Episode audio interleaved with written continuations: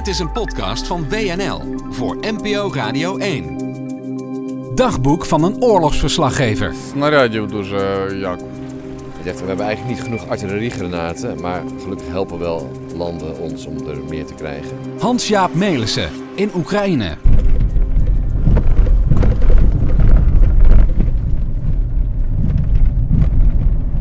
Ja, hobbelige wegen. Dan weet je dat je in Donetsk bent.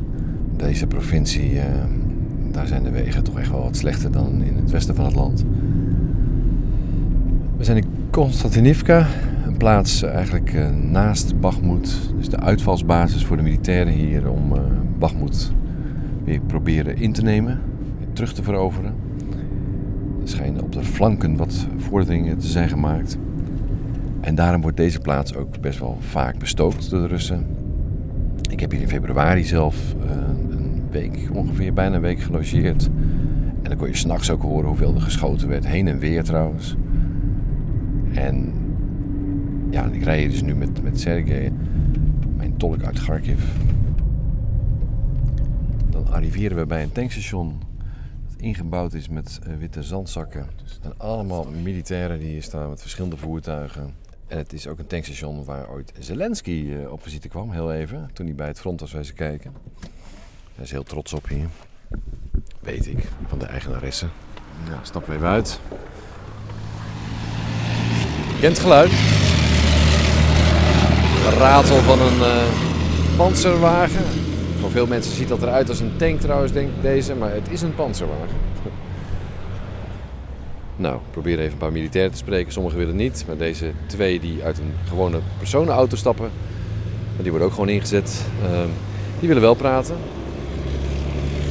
Nou, ik passeert eerst weer een, eh, hoe heet het? een paar eh panzerwagens zelfs.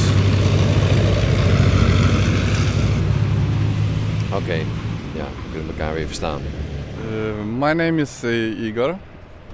М, Тобто ми з- воюємо в напрямку Бахмута, але у нас артилерійський підрозділ.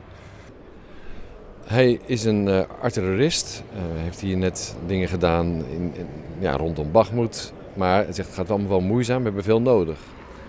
Е, Снарядів дуже як. Hij zegt we hebben eigenlijk niet genoeg artilleriegranaten. Maar gelukkig helpen wel landen ons om er meer te krijgen. Maar er zijn er nu vorderingen eigenlijk aan het front. Gaat het iets beter of juist niet? Прог- Прогрес є е, теж, але дуже тяжко нам дається, дуже тяжко дається. Ja, zegt hij, we maken wel wat progressie. Maar elke stap die we zetten, dat is een, een zware onderneming. Het gaat niet makkelijk.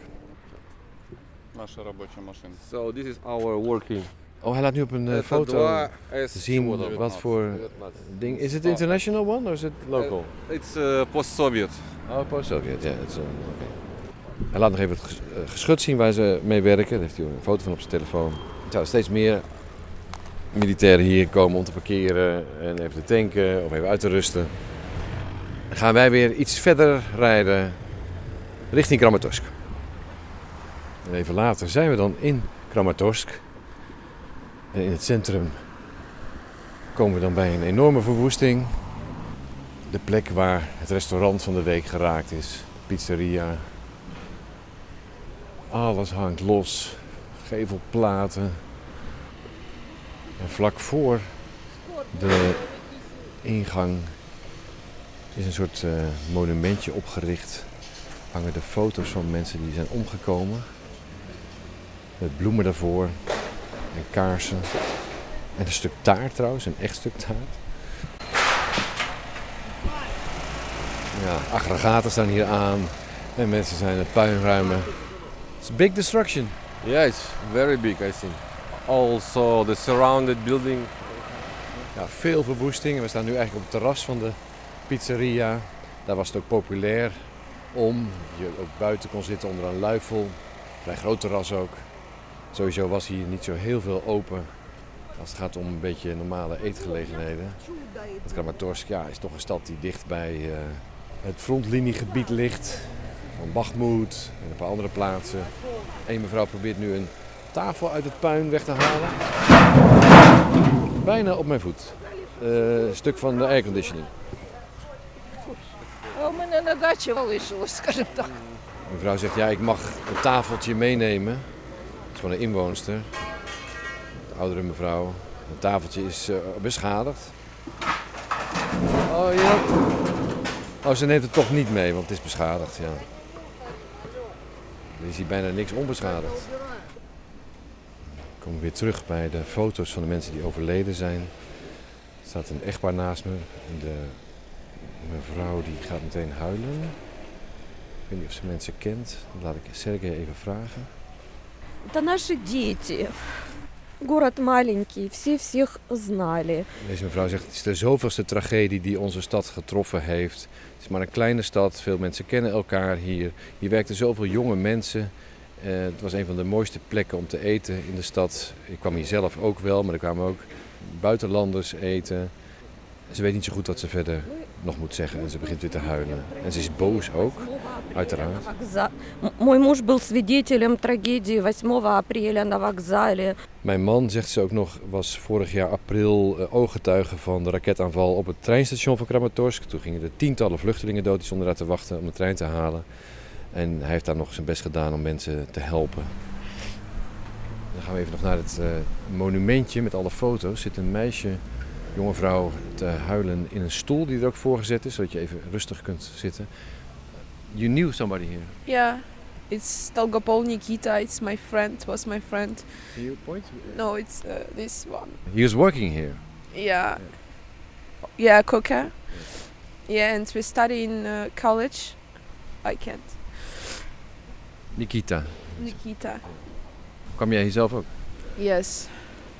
I had one meet with one uh, photographer here, but he couldn't uh, meet with me. And then I was at home, and it was bomb. And you were supposed to be here in the night it happened. Yeah, and yes, it, it was bomb. And I uh, saw Nikita in the morning, and we just agreed meet uh, in July in Monday. But yes. Had hier zelf dus ook moeten zijn die avond. Een afspraak met een fotograaf. Maar die afspraak ging niet door. En Nikita had ze s ochtends nog gezien en dan zou ze aanstaande maandag mee uh, afspreken. And your name? My name? Yeah. Ellie. Ellie. Elmira. Ellie. Ja. En vanaf deze plek, deze tragische plek, eh, sluit ik deze podcastserie, deze korte serie van vijf afleveringen af. Uh, ik ga nog een paar andere plekken bezoeken maar ik zal hier niet al te lang zijn. Maar ik kom altijd weer terug in Oekraïne. Uh, dit was de negende reis. De tiende reis zal ongetwijfeld ook komen. En wie weet ook de elfde, de twaalfde. We gaan zomaar door, terwijl mensen hier natuurlijk hopen dat ze mensen zoals ik niet meer terug gaan zien uiteindelijk, omdat de oorlog ooit voorbij zal gaan. Maar voorlopig wijst niet veel daarop. En als we weer in de auto zitten, gaat het luchtalarm weer. En houdt Kramatorsk zijn adem in of daar misschien toch weer een nieuwe raket aankomt die voor hier bedoeld is.